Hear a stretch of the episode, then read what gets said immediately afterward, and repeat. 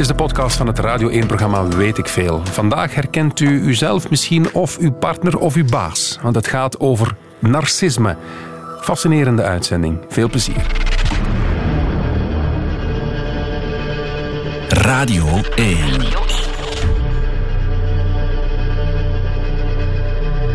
Weet ik veel met Kopen Ilse. Bijzonder goedemiddag. Het gaat vandaag over narcisme. Dus we gaan er onmiddellijk in vliegen, want daar is bijzonder veel over te vertellen. Al vind ik het misschien tegenwoordig ook wel een beetje een modewoord. Het komt meer en meer in de pers. Maar weten we eigenlijk wel wat het precies is? Daarom hebben we Diane Rutgers uitgenodigd. Die heeft er een boek over geschreven met de titel Geboeid door narcisme, mythe en masker. Diane, waarom niet gewoon een boek narcisme? Nee, waarom geboeid door mythe en masker? Oké, dat is eigenlijk een, een leuke vraag. Uh, mijn oorspronkelijke titel was eigenlijk Narcisme, mythe en masker. En ik vond dat heel leuk, mm -hmm. met die alliteratie mythe, masker. Maar die titel, Geboeid door narcisme, is mij geopenbaard in een droom. Dat is dus werkelijk waar. Ik ben op een morgen wakker geworden en dat flitste door mijn hoofd. Dit wordt de titel. En ik was daar eigenlijk heel blij mee. En mm -hmm. ik ben daar nog blij mee. Omdat die titel eigenlijk uh, verschillende ladingen dekt. Hè. Uh, ben jij geboeid door narcisme? Uh, ja, nog altijd, ja. Mm -hmm. ja. Letterlijk en figuurlijk? En, ik ben daar figuurlijk door geboeid, letterlijk Niet, niet. Nee, want nee. als ik erover lees, veel partners van zijn geboeid Ah ja, een soort in die zin, vastgeketend ja, absoluut, aan de narcist absoluut, ook. Absoluut, ja, absoluut, absoluut. Kijk, die, die titel die geeft in de, in de eerste plaats weer wat er met iemand gebeurt. Hè? In, ja. in een relatie, een langdurige relatie met een narcist. Het zet je vast. Het maakt je afhankelijk of het onderhoudt afhankelijkheid die er al een beetje is. In ieder geval, je bent niet meer vrij. Mm -hmm. Maar die titel geeft eigenlijk ook weer wat iemand voelt in een relatie met een narcist. Of wat iemand voelt ten opzichte van narcisme in het algemeen. En dat kan gaan van, wauw, de prins of de prinses op het witte paard, tot, hoe is dit in godsnaam mogelijk? Dus mythe en masker. Ja. De ja. mythe van de perfecte ja. partner. Ja. Maar... En als, als masker dan afvalt van die perfecte masker en je ziet een ander masker van de tirannie of de eigen gerechtigheid, dan, dan snapte daar niks meer van. Mm -hmm. En ik hoor dat ook bij collega's van mij, therapeuten, die... Je blijft niet... Um, hoe moet ik het zeggen? Je blijft niet neutraal als je in contact komt met een narcist. Ofwel zijn ze hoogelijk gefascineerd door die problematiek die ze in een spreekkamer krijgen, ofwel krijgen ze er de kriebels van. En de derde lading voor mij die in die, in die titel zit, is dat ook de narcist zelf vastzit. Oké. Okay. In zijn denken en in zijn voelen. En, hij, en er is geen flexibiliteit om dat aan te passen. Dat is een van de redenen waarom ik ervoor gepleit heb om de, op de cover van mijn boek een figuur te zetten, een beetje genderneutraal, want dat kunnen evengoed vrouwen Mannen. zijn. Ja. Mannen en vrouwen, genderneutrale figuur, die zo lekker vaststaat in een cirkel, een beetje zo'n cirkel van vuur. En dat, dat beeld openbaart eigenlijk dat isolement en die, en die vervreemding. Uh, ja, dat is... Goed, mooie inleiding, denk ik. Spiegeltje, spiegeltje aan de wand. Wie is de mooiste van het land? O koningin, zo mooi als u bent, is er niemand. U bent de mooiste van het land. Oh, dank je, spiegel. Dank je. Sneeuwwitje, de koningin. Diane Rutgers is bij ons, auteur van het boek Geboeid door narcisme, mythe en masker.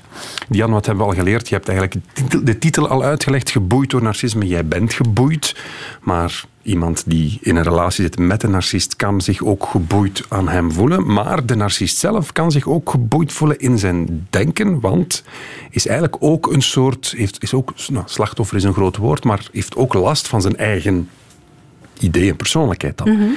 Maar laat ons even beginnen bij het allerbegin. Wat is de definitie van narcisme. Kan je dat in één zin uitleggen of, of niet? Uh, ik kan om te beginnen wil ik toch zeggen dat narcisme een heel breed begrip is, dat altijd verwarring oproept, naar verschillende feitelijkheden verwijst en met één verzamelterm wordt aangeduid. Dat, dat is al verwarrend. Hè. Grosso modo komen de meeste omschrijvingen neer op het feit dat een narcist zichzelf te graag ziet, maar dat ga ik nuanceren. Een gebrek aan empathie heeft, invoelvermogen, een gebrek aan geweten ook, geen kritiek verdraagt en in relatie met andere mensen zichzelf belangrijk maakt. En, mhm. en dat vraagt eigenlijk al wat nuance. Want een narcist ziet zichzelf helemaal niet graag. Dat lijkt zo. Wacht, dat, dat vind ik heel contradictorisch, want je zei een halve minuut geleden, een narcist ziet zichzelf graag. Ja, dat, dat wordt vaak gezegd of gedacht. Nee, dat is niet waar. Mocht, mocht, hij zich, mocht iemand zichzelf graag zien, dan durft hij zichzelf in vraag stellen. Mhm. Dan gaat hij respectvol met mensen om. Dan kan die kritiek verdragen, omdat hij een voldoende goede eigenwaarde heeft. Maar daar wringt het schoentje bij problematisch narcisme, omdat hun basis instabiel is. En ik vind dat opvallend als je gedragskenmerken leest op checklisten hè, op internet. Je kunt overal vinden. Eindeloze narcistentesten online. Ja, ja. oké. Dat zijn allemaal ehm, eigenschappen die iemand toont. Hm? Mhm. Maar wat de essentie van narcisme is, is niet wat iemand toont met zijn gedrag, maar wat iemand verbergt met zijn gedrag. Dat en dat is, die, ja. Ja, dat is die instabiele basis. Dus bijvoorbeeld een ongelukkige jeugd, een, een, een weggelopen vader, een, een, scheiding in de jonge jaren, dat kan, daar komt dan een soort ja, um, trauma uit voort, mhm. onzekerheid, mhm. twijfel. Absoluut. En dat wordt dan gebruikt om het panzer op te bouwen om zichzelf te beschermen. En daardoor gaan ze anderen eigenlijk mhm. kwetsen met hun eigen gedrag. Of maak ik er nu een karikatuur? Uh, nee, uh, wat dat je zegt is zeker de voorbode voor een eventuele ontwikkeling van te veel narcisme. Maar ik wil hier toch wel verduidelijken, want er zijn wel heel veel mensen met een instabiele basis. Hè. Ik bedoel, uh, als je een instabiele basis zou kenmerken, zou beschrijven, dan gaat het om het voelen van het voelen van minderwaardigheid, het voelen van angst, het voelen van schaamte, wantrouwen ook en het niet goed kunnen aangaan van duurzame intieme relaties. Maar wat een narcist kenmerkt, want veel mensen hebben dat, is dat hij niet in contact kan, wil komen met die onderlaag. Met andere woorden, hij draagt zijn beleving niet. Nochtans, ik, en ook de jingle was hoe zeg je als? Nochtans, en de jingle was, was ook zo'n fragment. Een narcist heeft veel spiegels in huis, maar eigenlijk zeg je, die durft niet in de spiegel kijken. Die durft niet in de spiegel kijken om, zijn, om te zien wat er echt aanwezig is. Die moffelt dat weg. En dat opblaasgedrag van veel narcisten, er is ook veel over te zeggen, want ze blazen zich niet allemaal op met op schepgedrag. Dat kan op veel manieren. Dat zijn eigenlijk strategieën om te camoufleren dat er eigenlijk van binnen niet, niet, niet veel aanwezig is.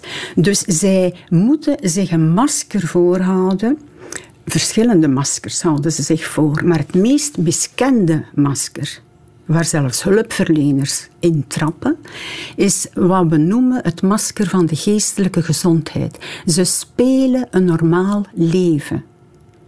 Ze spelen een normaal leven. En dat is, op die manier verleiden zij ook andere mensen. Want zij zien er naar de buitenkant vaak heel stabiel uit, mhm. charmant, charismatisch, succesvol. Uh, ja, maar dat is niet altijd zo.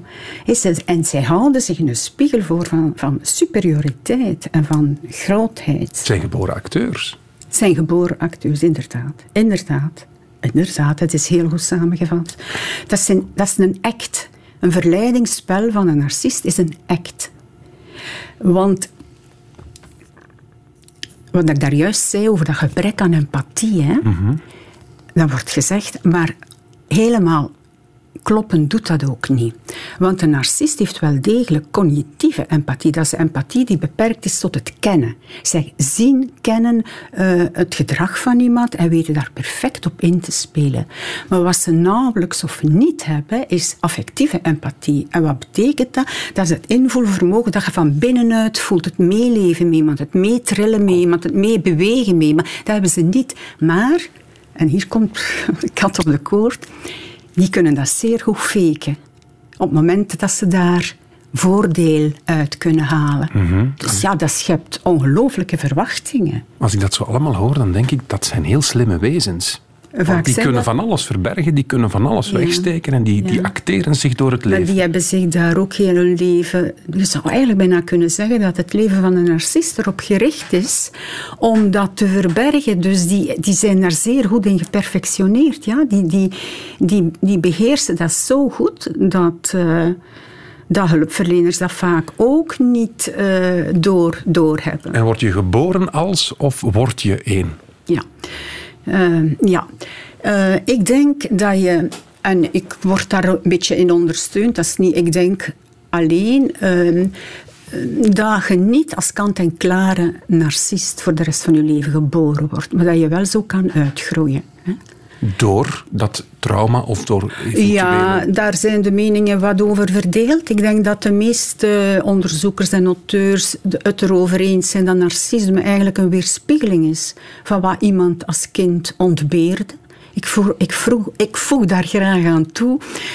Uh, aan wat iemand als kind soms te veel kreeg. Maar je kunt ook te veel invulling van basisnoden krijgen. Als jij je kind op een troon zet, bij wijze van spreken, en die mag alles uh, bepalen en orders geven, ja, dan, uh, dan is de kans wel groot dat die op den duur gaat denken dat hij eigengerechtigd is en dat alles uh, naar zijn wensen moet draaien. Hè? Dan is er te weinig gesocialiseerd. Dan gaat het te veel over ja, ja, ja. ik, ik, Die... ik en niet de anderen. Daar wil ik graag straks even over doorgaan, maar ik heb beloofd dat de luisteraars vragen mogen stellen. Ah, okay. Ik wil graag nu al een paar reacties, en er zijn er heel veel, waarvoor dank laat ze zeker komen via de app.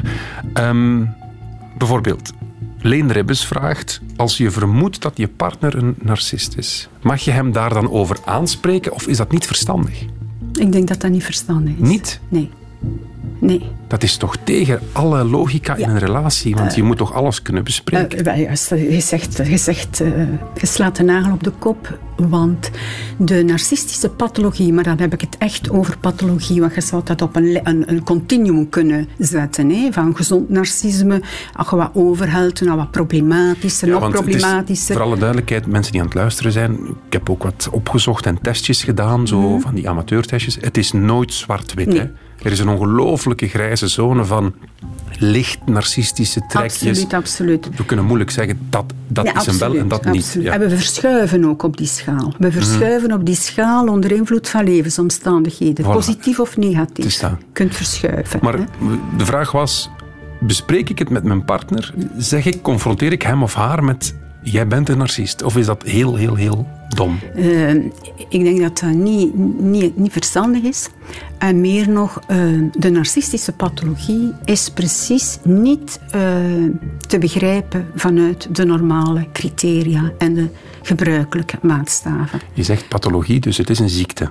Uh, het, ja, narcisme, als je het zo als woord gebruikt, zou ik zeggen, dat is een aspect van de persoonlijkheid. Hè. Uh, maar dat, als dat een, een, een narcistische persoonlijkheidsstoornis is, dan is dat ernstige pathologie die zwaar onderschat wordt, want daar gaat altijd psychisch mishandeling mee gepaard. Mm-hmm. Omdat daar zijn, als je behoort tot het uiterste van dat continuum, laat ons zeggen, dan is er uh, geen verlangen naar applaus en aandacht, maar een verslaving aan Ja. applaus en aandacht. En een extreme nood om te controleren. En dan uh, die vervormingen in denken, voelen en handelen.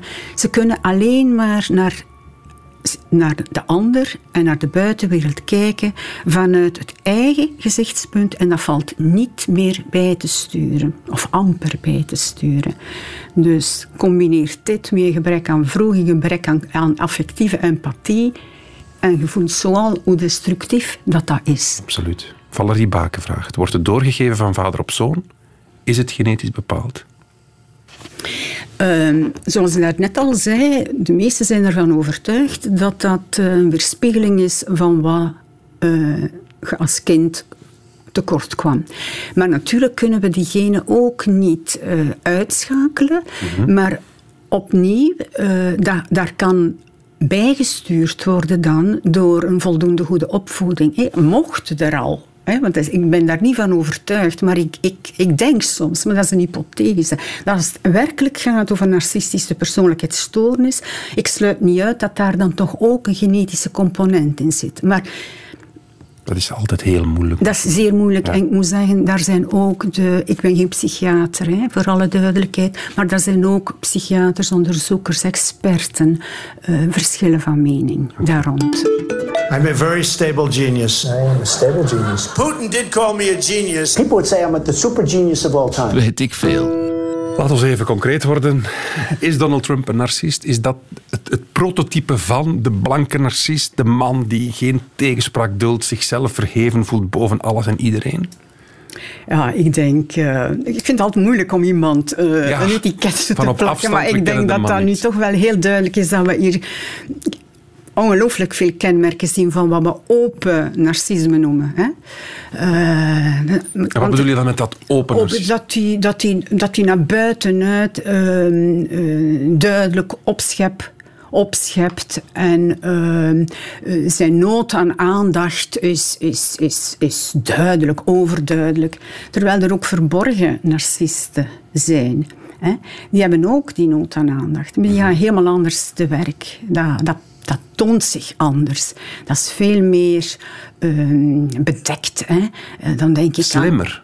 Aan, uh, wat, ja, misschien slimmer. Want Trump komt ja, niet slim is, over. Nee. Als je over jezelf zegt, ik ben een genie, nee, ja, 90% van de mensen denkt dan, ja, het zal wel. Ja, ja, maar ik denk toch dat er ook nog wel een aantal mensen zijn die denken van, ja, dat een genie is. Van, van ja, waar anders al die, al die stemmen? Niet iedereen, uh, ja, ze slagen er soms wel in om zeer overtuigend uh, hun verhaal te verkopen. Hè. Uh, We hebben het daarnet gehad, Diane auteur van het boek Geboeid door narcisme, mythe en masker. In weet ik veel over narcisme. Voor wie net in um, belt, nee, inbellen doe je niet, meeluistert, welkom.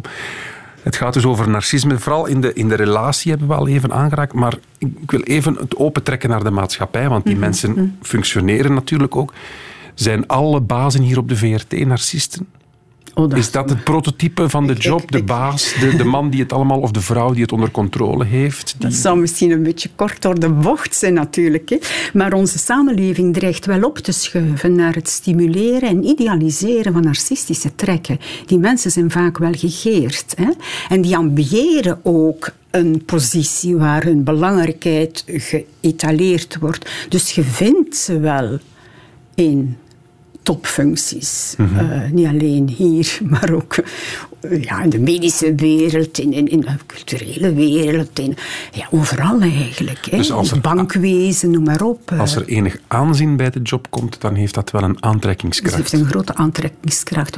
Ja, waarom? Want in de diepte uh, maar, maar, ze komen er niet mee in contact. Maar in de diepte hebben die leegte en die zelftwijfel. Dus ze moeten heel erg uh, gaan compenseren. En hoe compenseer je door? Ja, door belangrijke, in een belangrijke functie te zitten. Mm En vaak uh, zijn dat wel verstandige mensen en hebben die wel wat te bieden.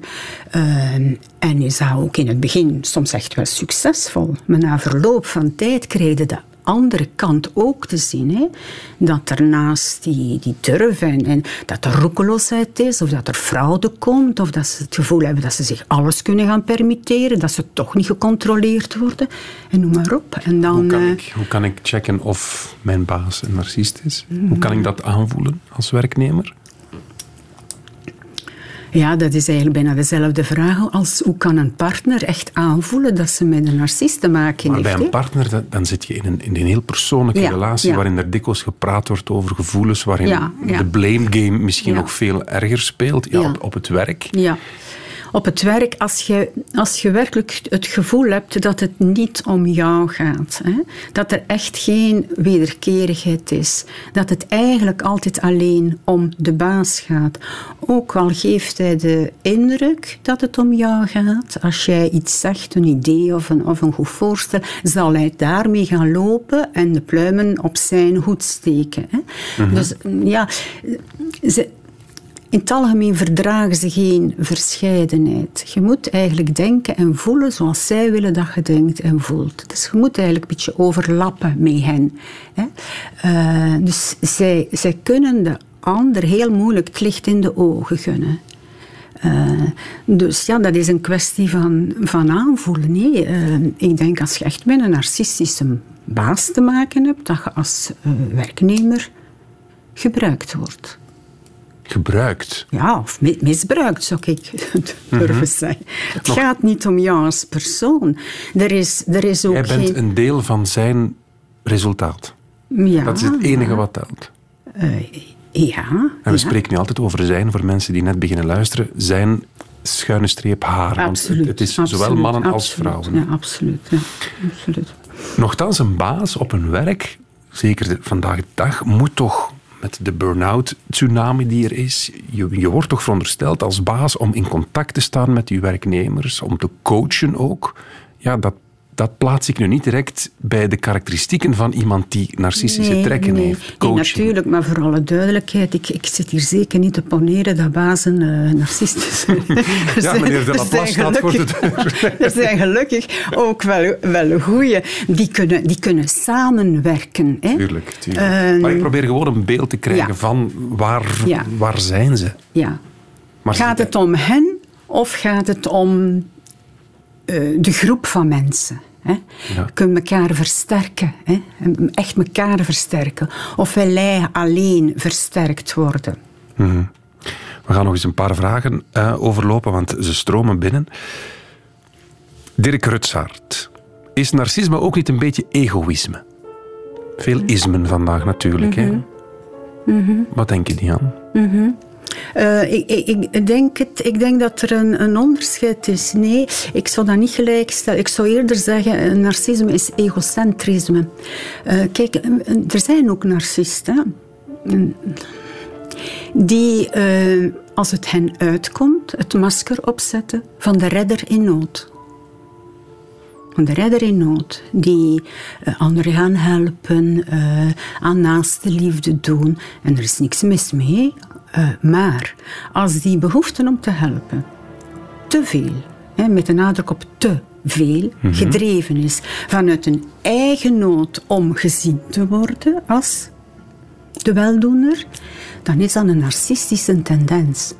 Dus ze zijn niet egoïstisch, maar ze kunnen echt wel mensen helpen, maar, maar ze, ze zijn egocentrisch. Dan... Er zit eigenlijk bij narcisme altijd een verborgen agenda. Zij doen iets om een wederdienst te krijgen. Zij voelen zich daar ook gerechtigd op. Hè? Dus dat is, dat is werkelijk... Um, dat is ook. Dus de grootste filantroop ter wereld, een Bill Gates, ik noem nu maar iemand, dat zou perfect kunnen dat dat komt vanuit een narcistische behoefte om de erkenning te krijgen. Ja. En dan, hoe krijg je erkenning? Door goed werk te doen. Bijvoorbeeld, ja. Dan is dat niet zo slecht, toch? Want hij doet dat goed werk wel. Hij, hij doet dat goed werk. Ja, nee, nee, ik, zeg, ik zeg ook niet dat dat slecht is, maar nee? ik zeg wel dat er zou kunnen um, te veel gedreven worden. Je ziet dat ook. Ik begeef mij nu op glad terrein, ik weet dat. Je ziet dat ook bij hulpverleners. Ja.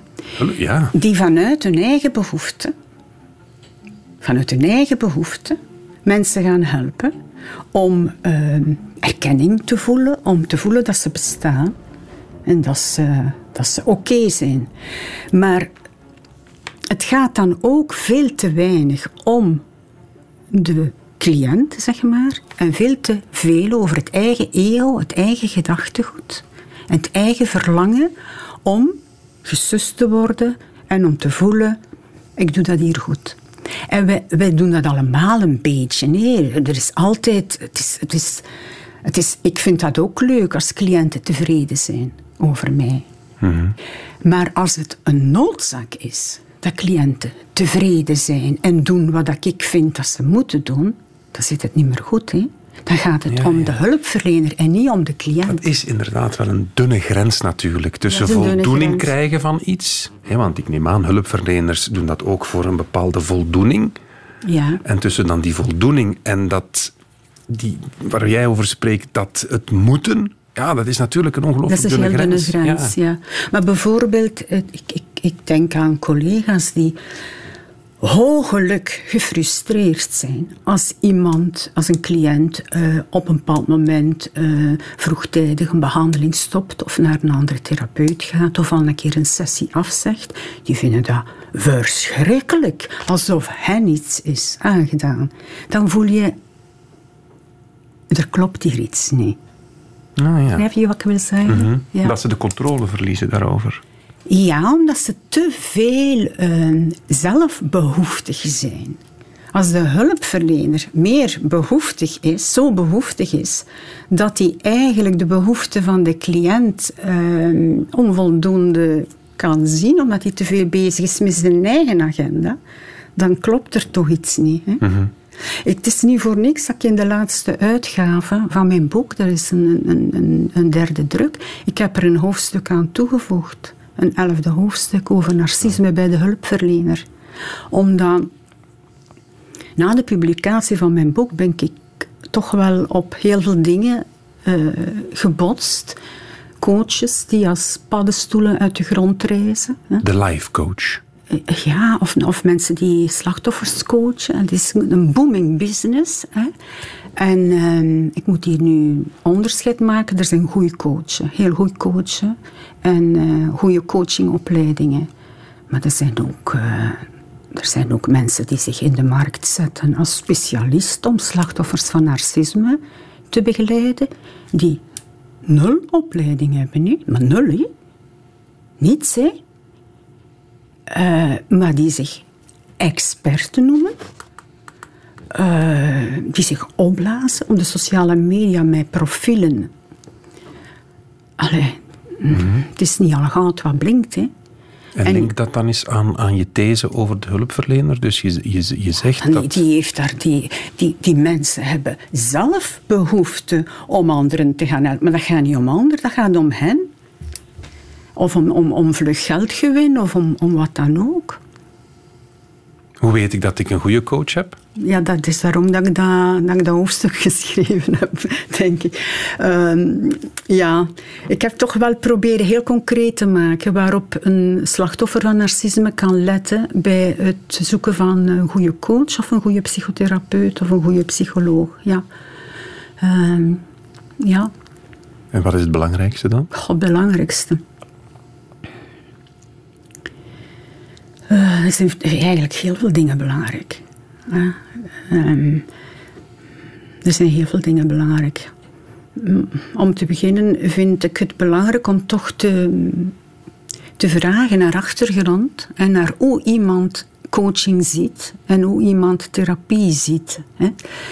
Ehm, mensen met narcisme eh, worden daar al wat boos van. Als ze niet genoeg opleiding hebben, dan pareren zij die vraag. Of, eh, dat is eigenlijk al een eerste aanwijzing. En u betrouwen, durven betrouw- betrouwen op uw eigen lijfelijke gewaarwordingen. Heel, heel belangrijk. Dat is een graadmeter. En mensen voelen soms wel, hier klopt iets niet. Hier is iets aan de hand. Dit is niet authentiek. Maar ze gaan daaraan voorbij omdat ze vaak in nood zijn en geloven wat hun wordt voorgehouden. Maar dat zijn ongelooflijk een eh, belangrijke graadmeter.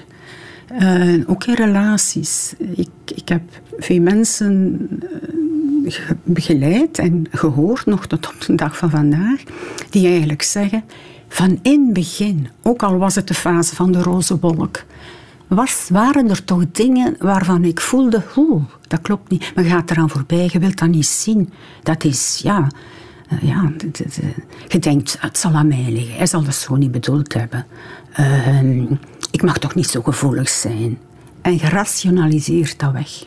Maar het is heel belangrijk om dat te voelen. En gaandeweg in zo'n therapieproces kun je wel voelen of het om jou gaat. Mensen met narcisme, met narcisme gaat vooral om hen. Die kunnen u als cliënt eh, valideren en, en, en, en kort nadien echt devalueren als je niet doet, als je hun advies niet opvolgt. Of... Eigenlijk heeft een therapeut een hele goede verbinding met zichzelf nodig. Narcisme gaat over geen verbinding hebben met jezelf. Dus als een therapeut ook geen goede verbinding heeft met zichzelf en bijvoorbeeld niet in contact durft te komen met zijn eigen verdriet, ja, dan gaat hij het verdriet van de cliënt ook wel wat proberen aan de kant schuiven. Ik kan dat ook niet goed aan. Hè? Dus voelde u werkelijk, ehm, werkelijk gehoord en werkelijk gezien door die coach of die therapeut? Eh, en zo zijn er nog wel wat ehm, dingen waarop, waarop te letten. Let me tell you, the one that matters is me. I'm the only one that matters. Ja, sorry dat we Trump er weer bij halen. maar is nog eentje wachten, is echt goed. I've done more in 500 days than any president has ever done in their first 500 days. Weet ik veel. Het is te goed omdat het zo outspoken is. Want wat leer ik? Diane Rutgers hier eh, bij ons in de studio, auteur eh, van het boek Geboeid door narcisme, mythe en masker. Wat leer ik wel? Narcisme is eerder een sluipende moordenaar dan wat Trump is. Out in the open, alles op tafel. Ik ben hem. Absoluut. In heel veel relaties, professionele, maar dan vooral liefdesrelaties, Ja. is het iets dat in het begin niet opvalt. De prins op het witte paard, de prinses op het witte paard. Mannen en vrouwen kunnen het allebei. Maar het, het, het komt erin.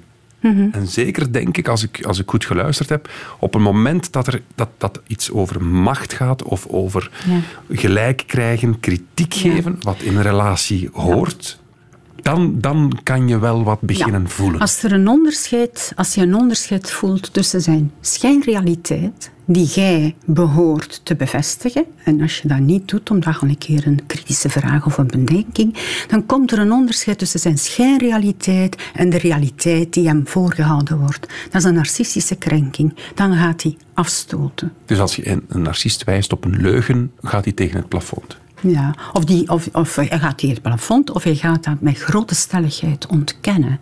Hij gaat de schuld naar jou, want dat is ook heel opvallend. Zij keren om hun eigenschappen die ik eh, beschreven heb onder die instabiele basis. Hè, die schaamte, schuld, wantrouwen. Ze kunnen daar niet mee in contact komen. Ze dragen dat gewoon over. Ze doen dat schaamteloos, dragen ze dat over op de ander die zich schuldig gaat voelen, die zich beschaamd gaat voelen.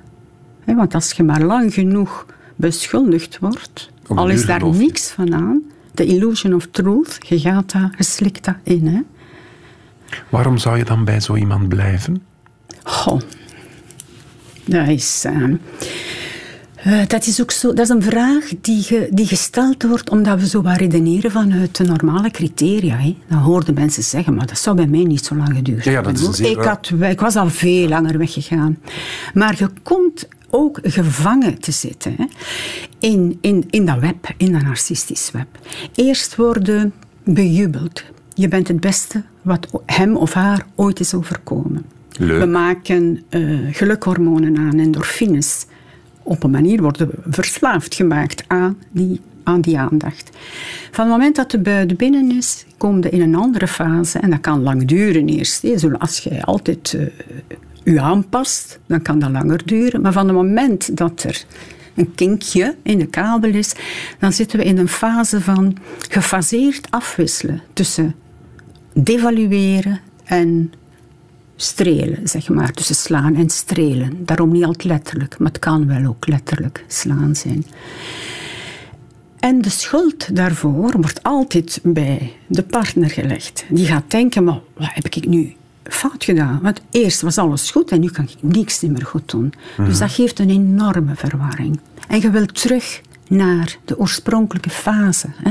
En dan ga je aanpassen. Dan ga je aanpassen. Dan ga je op eieren lopen. Dan ga je proberen overtuigen. Maar eigenlijk breng- brengt, brengt dat niet op. Hè? En, en, en, de, en de daaropvolgende fase is dat mensen vaak vernietigd worden. Echt eh, gebroken worden. eh, Ik lees een getuigenis voor van iemand die anoniem wenst te blijven. Zelf Mm. was ik jaren gehuwd met iemand met een zware vorm van narcisme. Het was de hel.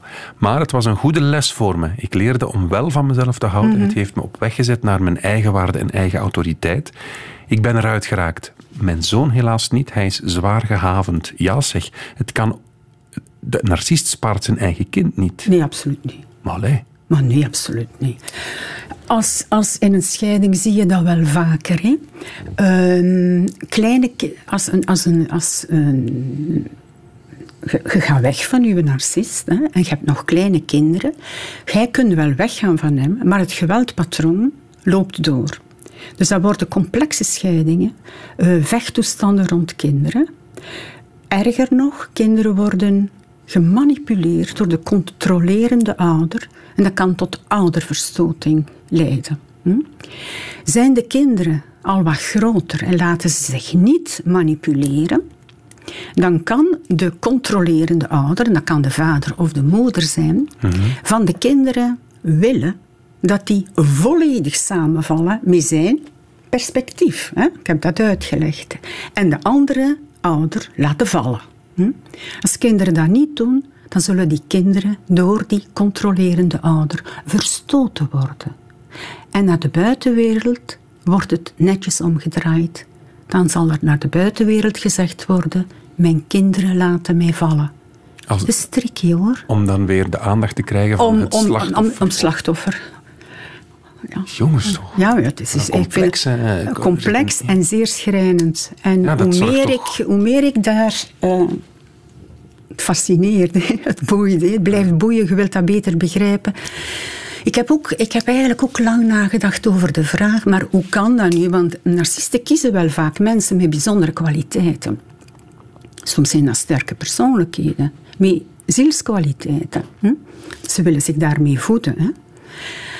Eh, en dan kun je afvragen, ik begrijp dan wel waarom dat ze zo iemand kiezen, dat is voor een imago, maar waarom breken ze die dan af? Hè? Waarom maken ze die dan kapot uiteindelijk? Dus- En dat, dat heb ik maar begrepen, ehm, dat kun je eigenlijk maar begrijpen door eh, aan de combinatie te denken van leegte en begeerte. Ze begeren eigenlijk die positieve eigenschappen van de ander. Ze willen die eigenlijk in zichzelf verankeren. Sommige auteurs noemen dat vampirisme. Hè? Maar dat lukt ten gronde niet. En waarom lukt dat ten gronde niet? Omdat er geen bodem is waarop dat die goede eigenschappen zich kunnen enten. Die basis is leeg. Bij hen dan? Bij hen. Hè? Dus een, een begeerte wordt enorm gefrustreerd. Een verlangen wordt enorm gefrustreerd en dan wordt die aanvankelijk begerenswaardige partner een geduchte vijand. En die moet vernietigd worden. Dus het bodemloze vat kan eigenlijk nooit gevuld worden. Ook niet met aandacht, niet met applaus, ook niet nee, met de energie nee. van de partner. En dat is een van de redenen waarom dat partners daar zo vaak zo lang bij blijven. Omdat ze denken, Het gaat als ik nog lukken. wat darder mijn best doe, zal het wel lukken. Als ik nog mij nog wat empathischer opstel, zal het wel lukken. Eigenlijk, de, als mij mensen vragen wat is de beste manier om met narcisten om te gaan, dan durf ik soms zeggen, de beste manier is om er niet mee om te gaan. Ja, maar je kan ze niet ontlopen, want hoeveel procent van de mensen heeft trekjes? Kunnen we, dat, kunnen we daar een cijfer op Eh, geven? Dat vind ik, dat vind ik heel moeilijk, die, die cijfers. Want je leest wel eens Trekjes, 10 à trekjes. 15 procent, lees je wel eens. Eh, ik denk, ik, trekjes, als we het hebben over trekjes, hè, dat is geen stoornis, hè, dan denk ik eh, meer. En het, het hebben van trekjes hoeft ook niet zo eh, Maar eh, wanneer- problematisch te zijn. Maar de problematische... De, echte de- problematische narcist. Dan, dan lees je zo procenten van 1 tot 6. Hè. Maar je moet weten dat iemand met een narcistische persoonlijkheidsproblematiek niet gemakkelijk in, in een bureaustoel van een psychiater gaat zitten van onderzoek mij een keer. En die, die, die, die, die. Met hen is niets mis. Hè. Het is de buitenwereld die fout is. Hè. Dus dat moet zeker hoger liggen. Als ik las bij, bij een, een, een, een, coach in de Verenigde Staten die decennia lang al, al ervaring heeft met begeleiden van slachtoffers van narcisme, die spreekt zelfs, maar dat vind ik heel hoog, over 30 procent. Maar dat denk ik dat hoog is. Hè.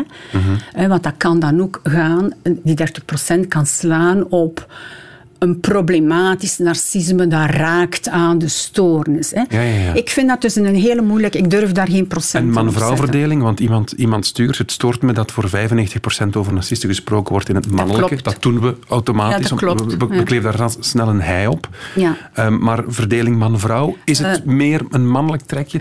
Een wetenschappelijk onderzoek maakt duidelijk dat er tot op dit moment nog altijd iets meer mannen zijn, maar dat vrouwen een enorme inhaalbeweging aan het maken zijn. Ja. Oké. Ja. Ik, klopt het, want Diane, jammer genoeg hebben we nog maar twee minuten om te praten. Het- ja, de tijd vliegt verschrikkelijk snel, maar nog heel snel. Klopt het dat Instagram, de selfie-generatie, kweken wij een generatie van narcisten die alleen maar kikken op likes en vind ik leuks?